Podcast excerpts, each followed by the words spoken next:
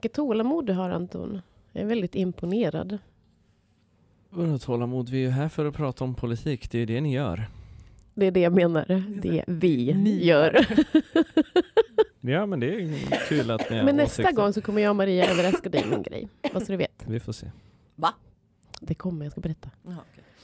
Först ska du överraska Maria med den saken. Ja. Ja. jag kom på det exakt nu. Ja. Men det blir super.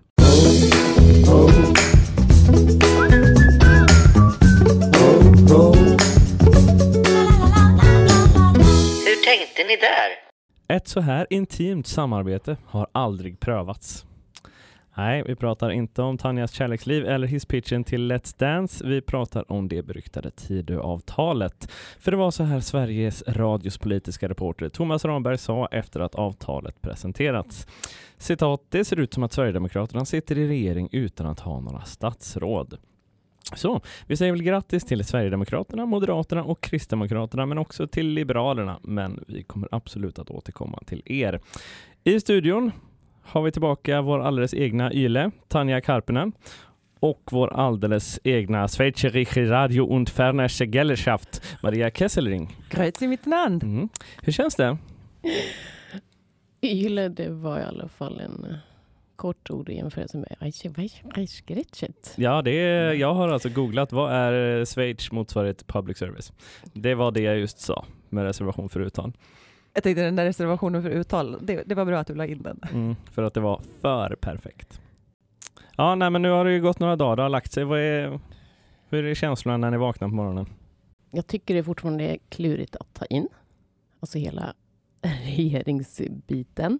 Framför allt att eh, Sverigedemokraterna kommer inte kunna utkrävas ansvar på samma vis så som man kan med resterande regering. Alltså vad är det då att utkräva ansvar? Vår politiska expert Maria. Vad betyder Oj. det här? Att, Nej, ja, men det är du som... Berätta Du nu. är ju väldigt pedagogisk. Schweizerische och så vidare. Så vad är det man ska egentligen... Vad är farhågan i det här? Problemet nu är ju att vi har en regering vars samtliga, alltså de tre partierna, det är ju de tre stora förlorarna i valet. Det var de som förlorade absolut mest. De samlade tillsammans ihop inte ens 31 procent av väljarna. Så att regeringen är liksom ganska svag där, vilket gör att de är ju beroende av Sverigedemokraternas 20 procent för att ha en majoritet i riksdagen. Men du kan inte ställa interpellationer till ett annat parti. Det gör man ju till regeringen. Så oppositionen kommer ju att ställa frågor till moderater, kristdemokrater och liberaler. Men de kan inte ställa frågor till Sverigedemokraterna. Så Sverigedemokraterna kommer liksom inte avkrävas svar eller ansvar. Och de kan ta cred för det som blir bra, men de behöver inte stå bakom de negativa beslut som kommer att behöva tas. För det kommer ju att fattas beslut som inte är positiva. Vi vet redan nu att man vill göra försämringar i sjukförsäkringen. Det kommer att drabba ganska många människor. Förutom då frågorna om asyl, eh, jag tänker, vad har vi mer? Vi har asylrätten, vi har, alltså det är väldigt mycket, man, man satsar inte någonting på byggande, det är sjukvården står fritt, kommunerna. Så, Så- kort och gott, Ja. det som är positivt, då kan Sverigedemokraterna ta cred. Det som är Mm. negativt, då behöver inte liksom vara där och toucha. Och då tänker jag på dig Anton. Tror du att Sverigedemokraterna kommer att växa, bli ännu mer populära för att de kommer, det här är ju Lyllos position de har. Vad tror du? Så får vi svar om fyra år. Men. Risken finns absolut. Eh, jag tycker mycket beror på hur vi- väljer att arbeta i opposition. Eh, för att den borgerliga sidan, eller Ulfs sida av politiken, eh, har ju verkligen eh, lagt upp bollen på straffpunkten. Eh, Oh ja. för att Sverigedemokraterna ska växa och nästan kunna ha egen majoritet efter nästa val. Men så det är ju upp till oss. Bitter? Ja, men lite. Jag ska försöka att inte vara det, men eh, lite upprörd faktiskt eh, på vad som står i det här avtalet. Det, Barbro Westerholm sa ju bland annat andemeningen i det här avtalet är att människor från andra länder inte är välkomna i Sverige. Eh, och det håller jag verkligen med om. Jag tycker att eh, det allra mesta, vad, vad sa de, var tredje sida i det här 63 Mm. handlar om invandring och eh, nästan de andra sidorna eh, försöker nästan styra in på det spåret. För det Mm. Och det är mycket så invandring kopplat till brott. Det är liksom under migrationsdelen så handlar det om polisens befogenheter Mm. eh, för att förhindra brott. Det är både det är inrikeskontroller och det är, eh, man ska ta DNA och det är fingeravtryck och det är, vi ska stoppa bidragsbrott och det här är alltså inte under brottsbekämpningsbiten utan det här är bara för att göra det svårare för invandrare i Sverige. Mm. Så eh, jag, jag är lite, lite arg, lite ledsen faktiskt på det här avtalet. Ja, det finns mycket, mycket att kritisera. Men det har man ju liksom läst om jättemycket. Det, det jag tycker är kanske värst är den här äh, vandel och sen prostitution. Det är där jag känner så här, vad i hel, oj, helvete. Jag tror vi har svurit säkert hundra gånger Ja. hittills så det vore ju dumt att sluta nu. Ja, men, men, men vandel är ju så fint och där älskar jag eh, Antje Jackelén när hon går ut och säger att ja, fast när Bibeln pratar om vandel så handlar det mest om att man ska se till sig själv och hur man är mot sin nästa. Ja. Inte att man ska eh, peta hål, för det är ju helt Mm. skrämmande att personer som alltså, prostituerade ska kunna utvisas för att de är prostituerade istället för att se liksom, den stora tragiken i den formen av människohandel så Exakt. väljer man att utvisa dem. Det, det, det brin- brinner i huvudet på mig. Men tittar man sen på hela avtalet, om jag får in liksom så här, min tanke det är ju att precis som i valrörelsen så handlar det väldigt mycket om kriminalitet, det handlar väldigt mycket om brott, det handlar liksom om hur man ska, vem är hårdast egentligen? Men det vi står inför nu i Sverige är, alltså vi har en extrem, vi har en inflation som är extrem. Hushållen märker dag för dag hur alltså maten blir dyrare. Folk har inte råd med saker längre. Elen är extremt dyr. Vardagen blir dyr. Och vi står ju liksom på gränsen till, alltså det kan ju bli en, en finanskris utan dess like. Och att då ha en regering som i sitt avtal inte ens pratar om välfärd. De pratar ju inte om välfärden. Det kommer liksom så här lite utredning, lite ditt och datt, men ingenting om billiga bostäder. Det var ju som, eh, för att parafrasera en, en partiledare som sa det att ska man bo i Sverige så ska man bli kriminell. För fängelser vill regeringen satsa på, men inte billiga hyresrätter. Det finns ingenting om bostäder. Skolorna handlar mest om att eh, det ska bli fortsatta vinstuttag och att religiösa friskolor ska granskas hårdare.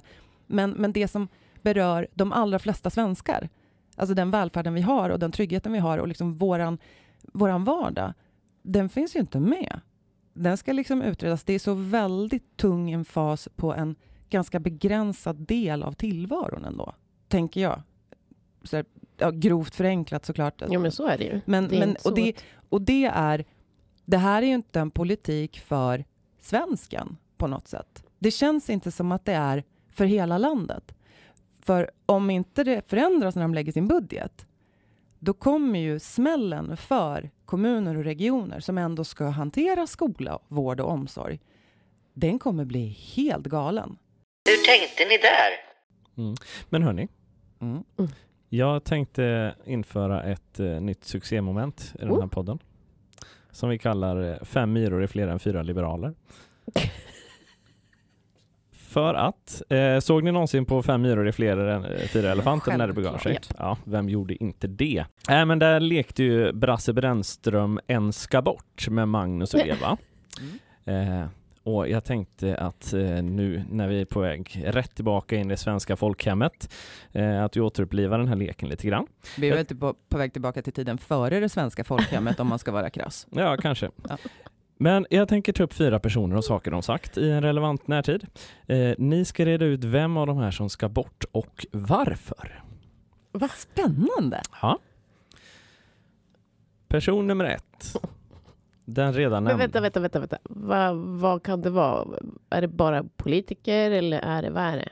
Du kommer Hur ganska pass- snabbt hitta ett tema här. Ja, och sånt här stressar ju livet ur mig. Jo, men om du slutar prata så, kom, så kommer jag ju, Det är det här jag menar. Det är nog fel på Anton eller på att säga, men det kanske är jag. Varje gång du blir stressad så börjar du prata i hopp om att jag inte ska gå vidare. Jag vet, det är sant. Ja, den redan nämnda Barbro Westerholm som sa andemeningen i avtalet är att människor från andra länder inte är välkomna i Sverige. Person nummer två, det är Johan Persson och han sa att det är dåligt med dåligt bistånd. Det är väl självklart. Nej men stanna! Maria har papper och penna. Jag ska också ha det. Okej. Ja men det där är ju fusk. Hur tänkte ni där? In, inte någon, någonstans trodde jag att eh, det, den här typen av tävlingsinstinkt skulle kicka in. Eh, då känner jag att, Jag tycker det är jobbigt för att jag blir ju stressad. Och så när jag blir ja, men det märks inte, så- du håller ihop det ganska bra. Visste inte du att jag är en extrem Jo, men- vinnarskalle? Jo men alltså det kan jag absolut se framför mig, men du gör ju det Och tydligt. Är vem liksom, vill ja, tävla mot Maria, by the way? Ja, du Hur kan du göra så här eftersom- mot mig? Vi gör det Eftersom att du tillsammans. stannade bara- Är det här tillsammans? Ja, ja, det här är tillsammans. För Eva, Eva och Magnus, de körde också tillsammans Mm, och resonerade sig fram. Och sen så stod Brasse och sa fel, fel, fel, fel, fel, fel, fel. Hur tänkte ni där? Vi, vi kör från början här nu. Mm. För tredje gången i den här podden nu så säger, säger jag vad Barbro Westerholm sa. Andemeningen i avtalet är att människor från andra länder inte är välkomna i Sverige. Johan Persson sa att det är dåligt med dåligt bistånd är självklart. Men vi har ett ansvar för solidaritet, demokrati och andra liberala grundvärden fast andra länder har lägre ambitioner. Romina Pourmokhtari sa Ulf Kristersson utan SD, absolut. Ulf Kristersson med SD, nej tack. Gulan Avci, hon sa Liberalerna står upp för kvotflyktingsystemet och ett starkt bistånd. Man kan inte prata om noll invandring, hjälp på plats och samtidigt kraftigt minska biståndet. Det är hyckleri. En av de här personerna och deras uttalanden ska bort. Vem och varför? Jag tänker att det är Barbro Westholm för att hon faktiskt säger någonting som stämmer. Hur tänker du Tanja? Intressant. Hur tänker du där? Jag kan säga att det finns en objektiv eh, anledning till varför en ska bort här. Alltså Marias var ju klok. Ja, absolut. Men jag tänkte var att subjektiv. Barbro drog in en helhet till skillnad från de här som bara pratar om mer. Eller vad sa du? An- Andemeningen är ju att... Nej, det här går inte Anton! Andemeningen är att människor inte är välkomna. Hur tänkte ni där? Barbro Westerholm ska absolut bort för att hon sitter inte längre i riksdagen och röstade därför inte fram det avtalet som står i direkt kontrast mot de här uttalandena i måndags. Romina Pourmokhtari hon köptes ju bland annat med en ministerpost och hennes kritik, eh, öppna kritik mot SD dog ut lika fort som löftet om ett högkostnadsskydd mot el gjorde efter valet. Så, Ja, men Kul, va? okej. Nej, Ja. det här var inte kul för att jag funkar inte så bra på sånt här. Så bara, för, ah, nu kommer det bli... Nej, men som va? sagt, du va? håller va? ihop det bra. Nej, Ja, jag, tänk, jag tänkte inte på, på vad de hade för positioner, utan bara att de fast var det tänkte liberaler jag på. allihopa. Men jag tänkte att det handlar inte om det. Så då var jag ju tyst. Ja, Det var jag för hade ju fått enkelt. rätt. Ja, men det är för ja, att... jag vet. Alltså, Jag Tanja, vet inte om du var tyst. Nej, Jag tyst håller kanske. på... Bara, ja, men om det. Du var för smart, du tänkte för många steg. Du tänkte inte fem myror är fler än fyra liberaler. Du tänkte som så här hemska IQ-tester istället. Tror jag. Ja, men i alla fall, det här segmentet måste väck. Hur tänkte ni där? Jag kan tycka illa om Sverigedemokrater som står för förjävliga saker och Moderaterna och Kristdemokraterna, även om de svassar efter Jimmy nu, så har de åtminstone varit ganska tydliga med att det är det de kommer göra. Men det Liberalerna gör här, som säljer ut de grundläggande värderingar som egentligen hela partiet är grundat på och även den retorik flera av de här personerna själva fört så sent som i valrörelsen, alltså för en, två månader sedan. Det är ryggradslöst. Nej, men jag tycker det, du sammanfattar det väldigt bra. Det Mm. är ryggradslöst. Det är ju inte liberal politik. Det var jobbigt med de avtalen som Socialdemokraterna var tvungna att sluta med Liberalerna och Centerpartiet för att få igenom en budget. Det var jobbigt och det sved. Men inte på den här nivån. Alltså jag, jag har svårt att föreställa mig det. Alltså jag, jag, ja, Men då är det det här äh, makten framför allt. Det blir så, så tydligt nu. Ja, och då tänker jag så här, vad ska de göra med det här? Alltså hur ska de på något vis kunna få in liberal politik? Hur ska de inte åka ur riksdagen nästa val? För jag tror att Liberalerna riskerar ju att åka ur på ett helt annat sätt än Kristdemokraterna gör.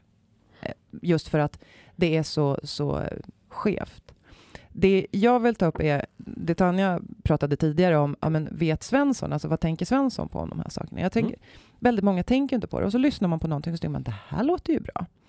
Som i, eh, i då, eh, avtalet som jag inte vill kalla för det de kallar det för, utan jag tänker kalla det för slottsavtalet, för jag vill inte att det ska förknippas med fantastiskt fint slott. Västerås. Precis. Det är ju att man har ett eh, förslag på nollvision för självmord. Mm. Och eh, att man har ett förslag om att det ska inrättas en, en slags haverikommission efter det att en person har eh, begått suicid. Och jag tycker att det, det känns bra. Det är faktiskt bra. Det dör över 1500 människor per år i Sverige självmord. Och det kryper ner i åldrarna. Väldigt många har försökt tidigare. Väldigt många försöker, och försöken är liksom väldigt många just bland de yngre. Eh, det kommer alltså in så unga som nioåringar som har försökt ta sina liv nu. Mm. Och det är fruktansvärt. Den stora gruppen människor som, alltså sett till antalet, inte procent i populationen, men det stora antalet, det är äldre män som tar sina liv. Så där tycker jag att det är bra. Och jag hoppas verkligen att de liksom gör någonting med det. Men en sak som jag tror är viktig att tänka på, det är att läsa och kanske pilla lite mer. För de har ju lagt en eh, jättefint, ett, ett fint förslag om att man ska utreda ett eh, högkostnadsskydd för tandvården för att det ska efterlikna det som finns i övrig vård. Och det, var, det är ju lite det här vi kommer in på att, att det låter ju jätte, jättebra Mm. när man läser avtalet. Mm. Men är man inte så politiskt insatt, så som till exempel du är Maria, då finner man ju såna här skummigheter, höll jag på att säga. Ja, Där det du ska förklara nu, det är det. ja, Ja. precis. Nej, men för, Nej men alltså det, det är det. Det är Nej, sånt här som är störande och det är svårt för gemene man att hänga med. Ja, för en tandvårdsreform, det är ju någonting som Socialdemokraterna också har pratat om. Mm. Det är någonting som är jätteviktigt, för tänderna är en del av kroppen. Vi vet att dålig hand, handhälsa, dålig Mm. tandhälsa har kopplingar till många sjukdomar. Eh, framförallt inom eh, hjärt-kärlsjukdomar finns det en koppling och att det också är en klassfråga. Ju sämre socioekonomisk status, desto sämre tänder desto, och, och kortare livslängd har det också. Så det finns absolut en koppling. Men när man nu säger att vi ska utreda och då tillsätta en utredning om att stärka tandvårdens högkostnadsskydd för att mer efterlikna den övriga vårdens högkostnadsskydd, då låter ju det bra. Mm -mm. Problemet är bara att förra regeringen tog emot en sån utredning förra året. Så hade de på fullaste allvar brytt sig och velat haft det här, då hade de kunnat titta på den utredningen och sen kört igång med det. För att säga att man ska tillsätta en utredning på det här sättet, när det finns en utredning klar, det är ju bara liksom för att fluffa till det. Då vill man ju inte göra det. Det finns väldigt mycket konkret i det här avtalet. Det, det som är konkret som bara det här ska vi göra, det här ska vi göra, det här ska vi göra, har, handlar väldigt mycket om invandring. Men jag skulle vilja påstå att eh, både KD och Liberalerna eh, har blivit ganska blåsta med sina stora frågor här. Eh, för det de, de drev innan valet var Eh, KD drev ett statligt huvudmannaskap eh, för vården. Eh, alltså att eh, staten ska ta över driften av det. Jag tror det är sex storregioner eller något sånt där. Eh, skitsamma. Och Liberalerna, en ny friskolelag där man vill begränsa eh, vinstuttagen för nystartade friskolor. Och, så här och gällande båda de förslagen står det en utredning ska tillsättas. Mm. Och det kan man ju på ytan tycka att ja men vad bra, det här kommer bli av, vi ska bara utreda frågan först. Men om du tittar i resten av avtalet, hur mycket skit som ligger där, som när det har gått igenom en budgetförhandling och jurister har tittat på liksom möjligheten att genomföra det överhuvudtaget, som inte kommer kunna genomföras. Det är så jag tolkar när jag läser de sakerna som står att de ska utredas här, är man har ingen avsikt att genomföra de här överhuvudtaget. Hur tänkte ni där? Ja, det som har hänt nu eh, är alltså att Tanja än en gång har hällt massa dricka över halva studion och iväg och hämta papper för att lösa det. Hur tänkte ni där? Hur går det Tanja? Nej men det går bra. Nu har jag lekt Askungen än en gång. Hur känner du att du och koffein går ihop? Ehm, Det är alltså ingen energidryck här, men en Grande eh, Starbucks-mugg som står här. Och vi är inte sponsrade av Starbucks. ehm, jag vet faktiskt inte så jättebra. Nej. Jag drack Rimlig en del analys. hemma och sen så tänkte jag att jag ska absolut inte köpa någon energidryck. Men sen så kände jag att jag behöver i alla fall då ha en kaffe som är dubbel, som är samma sak ungefär som en energidryck. Okej. Hur tänkte ni där? vet du vad jag tänkte på? Faktiskt att eh, de inte kommer att toucha a-kassan. En. Det tyckte En. Jag, ja, men alltså, Jag nej, men jag tänkte, för det har, ju, det har ju ändå kunnat vara ganska olyckligt om det hade liksom Oh ja. varit tillbakagång på den. Det är djupt beklagligt att de ändå rör sjukförsäkringen. Ja. Men ja, de rör inte a-kassan än. De rör inte public service än. Sen är jag supernyfiken på den här eh, kulturkanon, alltså den svenska, som ska tas fram. Men jag har sett en sak. Jag tycker faktiskt att eh, det finns en särskild skrivning om jämställd vård eh, och forskning om kvinnors sjukdom och hälsa. Och det tycker jag faktiskt är bra, att man liksom specifikt har det. Eh, just med eh, att man vill stärka vården för sexuellt våldsutsatta, eh, att man vill satsa på vård för migrän, endometrios och klimakteriebesvär. Det är jättebra. Det är ju sånt som faktiskt har varit just, jag vet att kvinnor med endometrios har ju blivit i princip kallade för inbillat sjuka under en period och inte fått. ehm, men då kommer man till sista raden där.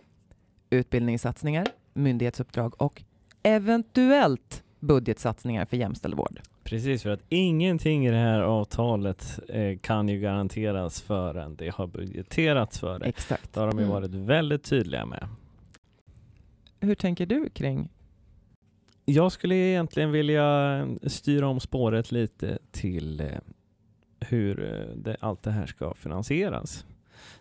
Nej, inte, inte riktigt. Men tanken är att man ska kunna betala lite av alla de här sakerna med eh, biståndspengar. För att det ska vi ju slopa det så kallade enprocentsmålet. Nu står det inte uttryckt att just det ska slopas, men det sa ju Ulf Kristersson. Eh, och bland annat så står det att eh, bistånd ska vara villkorat med att länder ska ta emot eh, eh återvändande mm, människor helt enkelt.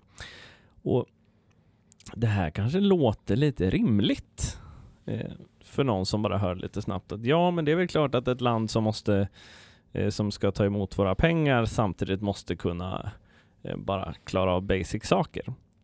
Problemet med att många av de här länderna vi skickar bistånd till de får biståndet, eller organisationer i det landet får bistånd för att regimen i sig är problemet i det landet. Mm. Så skulle Sverige till exempel, säga att vi skickar bistånd till de, eh, organisationer som arbetar för demokrati i Ryssland.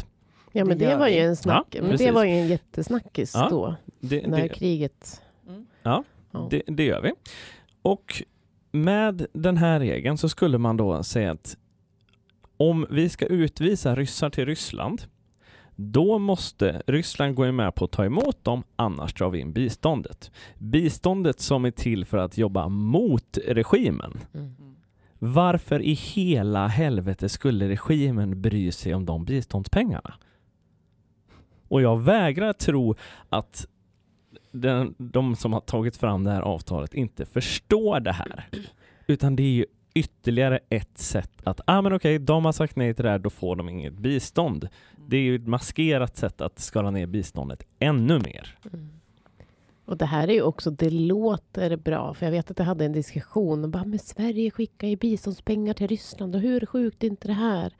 Och då förklarade jag för den här personen, alltså det var också på nätet, jag försöker att inte vara så mycket på nätet för att det blir så mycket skit. Hur funkar det? Ja men faktiskt bra. Men då var man ju tvungen att förklara så här, så här och så här går det till. Det, går inte, det är inte så att Putin bara, men varsågod Putin, ta lite pengar från Sverige. Utan det går ju till organisationer som faktiskt arbetar för demokrati och för människor som ändå vill ha det bättre än vad de har det. Och det är så, jag vet inte. Det är liksom upp och nervända världen just nu. Hur tänkte ni där? Känner ni att vi har eh, tid med en eh, lyssnarfråga också? Absolut, kör. Frågan som har kommit in. Vad tycker ni om att återinföra tjänstemannaansvaret? Alltså problemet är att det är inte så att tjänstemän går omkring och kan göra en massa saker i sina tjänster utan att be behöva någonsin ta ansvar för ett fel beslut eller sådana saker. Och det finns ju forskning också på att när det går lite åt skogen för tjänstemän så handlar det mer om arbetssituationen, att det stressar på arbetet än att de de facto har gjort fel med flit eller sådana saker. Och att sätta mer press på tjänstemän, det blir inte bra. Mm. Eh, vi kan ju bara nämna lite snabbt innan vi går över till Marias eh, tanke på det här eh, att eh, om vi pratar om att kunna ställa tjänstemän till svars för grova eller avsiktliga fel så har vi det idag för offentliga tjänstemän. Eh, det här är ett eh, begrepp som används fel konstant. Mm. Eh, men det handlar alltså om tjänstefel och ja, det är väldigt svårt att bli dömd för det i Sverige idag och det är sällan belagt med något straff, men det existerar. Så frågan är liksom bara hur ska man ändra den ribban? Det handlar alltså om att eh, Stärkare, eh, det, eh, inte att återinföra det. Eh, bara så att vi har klart för oss vad, vad som är vad. Maria, vad, vad känner du i den här frågan? Jag tänker precis som du säger, alltså, vi har ju ett tjänstemannaansvar i Sverige. Vi, vi kan göra tjänstefel. Och gör vi tjänstefel så tas det ju om hand inom den organisationen som man jobbar. Men att ha straffrättslig påföljd för tjänstefel för en specifik grupp. Jag tror att det skulle förlama många organisationer. Och jag tror att människor skulle bli väldigt rädda för att jobba.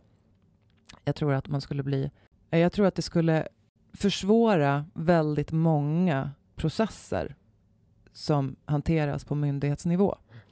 För att man skulle bli så rädd för att göra fel så att man inte skulle våga jobba. Så, fast jag kanske ser det åt fel håll, alltså jag kanske tänker liksom på fel saker. Men, men för mig så är det viktigare att man sköter det rättssäkert, att alla människor som möter en myndighet får samma bemötande och att man har alltså att rättigheten, att man agerar inom lagens riktmärken och att man gör det man ska göra. Inte så mycket... Nej, det blir, nej, det blir Och konstigt. Sen är det ju också att det finns ju en stor transparens i vilka som gör vad. Så det, det är ju ganska rättssäkert redan nu, tänker jag. Det, och det går ju att utkräva ansvar. Det går ju att liksom följa vissa saker ändå via... Ja, och det beror på vad det är för, för beslut. För det, tänk, det tänker jag på alltså så här, som bygglovshandläggning och sånt. Absolut. Men väldigt mycket går att, att ta reda på för att det är Mm. väldigt mycket som dokumenteras och ska dokumenteras. Nej, och det är ju som sagt alltså, det är ju, det är ju offentlig verksamhet, granskas hela tiden och det är ju Japp. ganska många som har... Och gör du fel, då finns det ju en lag som ska skydda eh, medborgaren som har blivit utsatt för fel. Men sen tänker jag väl kanske också att när, när det kommer... När man tittar på JO-anmälningar mot myndigheter, då har det ju handlat om att man har agerat på olämpliga sätt ibland. Eller att man har eh, gått utanför eh, laglighet eller att man har brutit mot GDPR eller vad som helst. Alltså det finns ju så många olika saker. Och jag tycker väl egentligen att det räcker för, Men vad för tycker du Anton, som ändå är jurist och allting, värst högst upp i hierarkin i det här gänget? Liksom. Oj. Oj. Det, Det, det, vi lägger tyngden på det du säger just Ja. nu. Alltså konceptet att eh, hålla myndighetsutövare ansvariga för beslut som tas har jag faktiskt inga principiella problem med. Men, Där kom det. ja, det finns ett ganska stort men här. Ni vet ju vad min hjärtefråga är. Ja, eh, av den offentliga sektorn. I den så bygger det också på att människor ska ha förutsättningar att utföra sina jobb på ett på så bra sätt som möjligt. Så som det är uppbyggt idag och egentligen så som beslut tas idag, den arbetsbördan som ligger på folk och så vidare och så vidare. Att lägga ett straffansvar på människor som fattar myndighetsbeslut, det vore idiotiskt. Mm. Sen skulle man genomföra min kära reformering och sen säga att okej, nu har vi liksom en jävla deluxe offentlig sektor där eh, det ställs eh, krav, folk levererar utifrån det och så vidare. Ja, men, och om man då grovt missköter sig med någon form av uppsåt, eh, ja, att hålla en person ansvarig i det läget har jag inga problem med. Men vi är långt ifrån att vara i ett läge i Sverige idag där det är rimligt att sätta ett straffansvar eh, på eh, enskilda personer som fattar beslut i kommun och eh, statliga myndigheter idag.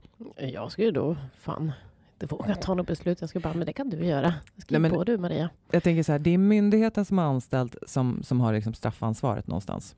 Eh, Mm. alltså både vad det gäller, och nu använder jag säkert termerna fel, men både vad det gäller bestraffning men också att, att eh, Fan, stå upp jag emot måste de andra. ta det här samtalet. Oj. Oj, förlåt. Så hon välte omkull kaffekoppen.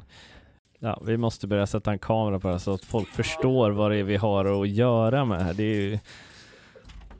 Dra igen dörren. Jag tappade lite grann tråden i, i det jag hade, men Men jag kan väl säga så länge då. Jag, jag tycker det är lite kan man jämföra det med skadeståndsansvaret som finns eh, om till exempel en hantverkare är hemma hos dig och arbetar eh, och så råkar han skicka eh, hammaren genom fönstret. Det är ju arbetsgivaren, det är företaget som kommer att få Ja. betala det fönstret. Men skulle hantverkaren bara säga, vet du vad, fuck you, och avsiktligt skickar eh, henne, Mm. då kommer ju den personen att eh, utkrävas de pengarna. av sin arbetsgivare. Av sin arbetsgivare, absolut. absolut. Eh, men eh, principen blir lite densamma. Så självklart du ska kunna få göra fel. Mm. Eh, och det, jag hoppas att det inte det det här kommer leda till heller. Att, men om man mer eller mindre de uppsåtligen eller åtminstone ja, men helt enkelt försummar sina arbetsuppgifter Mm. på en nivå så att folk faktiskt lider skada av det.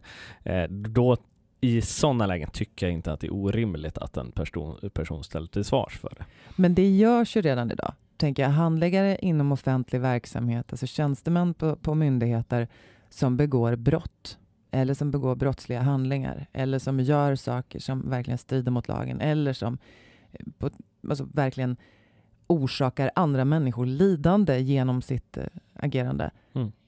De ha, alltså det finns ju flera som redan har blivit polisanmälda och som har Absolut. blivit åtalade och som har blivit dömda för det. Så att på det sättet, begår du brott, då är det klart att du ska få, eh, alltså det, det ska gå till domstol, eller det ska i alla fall utredas. Men, men eh, det blir fel om att göra fel på jobbet blir brottsligt. Det är väl det som är Ja, kontentan. ja men absolut, det håller jag med om. Nej, nej men eh, självklart eh, ska man inte straffas bara för att man gör fel på jobbet. Eh, utan vi snackar ju kanske snarare så här, ja men någonting som har stora ekonomiska implikationer eller, eller för en persons hälsa eller någonting och det när det kommer till en nivå där inte arbetsgivaren kan hållas ansvarig för att här, Mm. den här personen skulle ha gjort allt det här Mm. och då liksom bara gått helt rogue. Ja, eller, eller när, när det handlar om jävsituationer som Mm. ju i sig är olagligt, alltså där människor hjälper anhöriga Ja, eller tar sig själva. Jag har hört om, eh, alltså både det har skett på, på alla myndigheter jag känner till så finns det något fall med en enskild handläggare som på något sätt har varit in och petat i ett ärende som hen under inga omständigheter borde ha fått vara med i. Egna ärenden, alltså egen sjukskrivning, eh, egna inkassoärenden, eh, barns eh, ersättning, alltså sådana saker. Och då är det ju självklart att då ska du ha någon form av straff. Men det straffet ska arbetsgivaren avgöra om man inte har begått olagliga handlingar för att utreda Men, men frågan är då, vad har arbetsgivaren för befogenheter i ett sånt här läge? Ja, det tänkte jag också på. Arbetsgivare ska ge ett straff. Det lät ju jättekonstigt. Nej, men Men- straffet, det finns ju personalansvarsnämnder hos alla och det vanligaste straffet, alltså människor stängs av antingen med lön eller utan lön. Eh, alltså det är det vanligaste, löneavdrag. Att du får ett löneavdrag för att du har gjort, eh, misskött dig. Du kan få varningar och du kan få skriftliga varningar. Och skriftliga varningar och sånt kan ju leda till en senare uppsägning. Men jag tror, att det, jag tror att det är det här eh, man vill komma ifrån med det här. Mm. Eh, just, det är ett någorlunda tandlöst system när det är så här, nu gör du fel, du får kritik för det. Eh, och så går man till eh, nästa tillsynsmyndighet som säger ja, absolut, vi riktar också kritik. Kritiken betyder i praktiken ingenting. Och det är klart att om det är någon som säger att ja, men eh, för att den här personen begick de här felen så jag torskade mitt hus det systemet som vi har idag gör att det blir alldeles för svårt. Du kan inte utkräva ansvar när människor sitter med arbetsbelastningar och arbetsbördor och stundtals också inte får den upplärning eller den information. Alltså när, när det brister på andra ställen, då behövs det ju, ett, det behövs ju en grund. För att du ska kunna utkräva ett ansvar av en människa så måste den människan vara, ha liksom fått alla möjligheter att kunna. Och nu finns det ju många många myndigheter där det är luckor, där människor jobbar för mycket, de sliter för mycket, de går in i väggen, de blir utbrända. Precis, och det var ju det, jag tror jag nämnde det från början också, att det, det visar också på att varför ibland misslyckas det är liksom själva arbetsplatsen och arbetssituationen som Mm. en tjänsteman faktiskt sitter i, som inte är hållbar eller rimlig. Och Nej. därav... Men det i sig är ju ingen ursäkt, tänker jag, Mm. eh, mot den enskilda medborgaren. För den enskilda medborgaren ska det inte spela någon roll om det är en arbetsplats som Nej, är superharmonisk inte. eller inte. Och det är ju där, tänker jag, förvaltningslagen blir liksom viktig. Att, att inte glömma bort i sådana här ärenden. Än en gång, du som ställer frågan, hör av dig och berätta om det här var svar nog. Typ. Jag förstod inte att ni svarade på min fråga.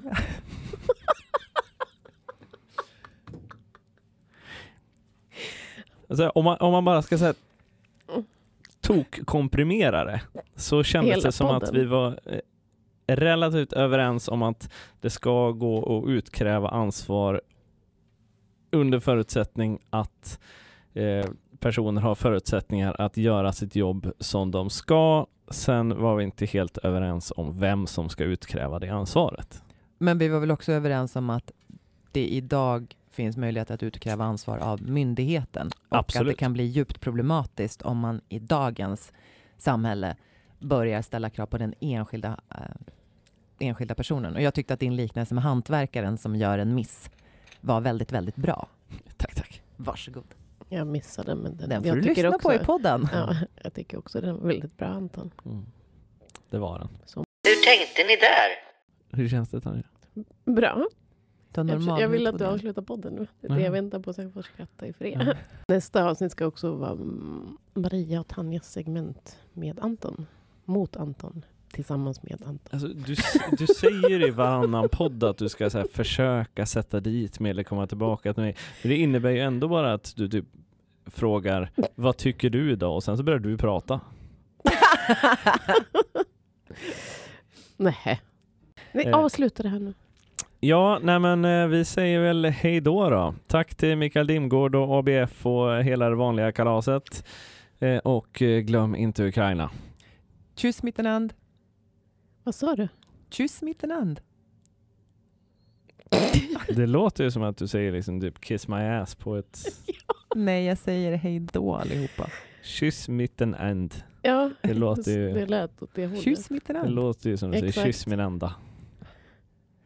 Nu har du precis kränkt mig som schweizare. Eller? Oh no. Går det ens att kränka dig? Det är min fråga. Så, Nej, släpper tänk den. om man helt plötsligt får en tyrolerhatt kastad på sig.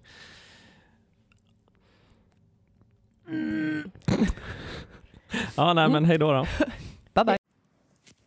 Ja, nu håller jag på och pratar med vanliga sladdhörlurar och jag tror, jag raderade det förra, men jag tror det här skulle ändå kunna vara funka. Det behöver inte vara superduper perfekt ljud. Det är en kul grej. Så det kanske går. Och sen så fanns det en jävla knapp där man kan trycka på optimera så, kan, så det låter bättre. Men vi får se vad ni tycker.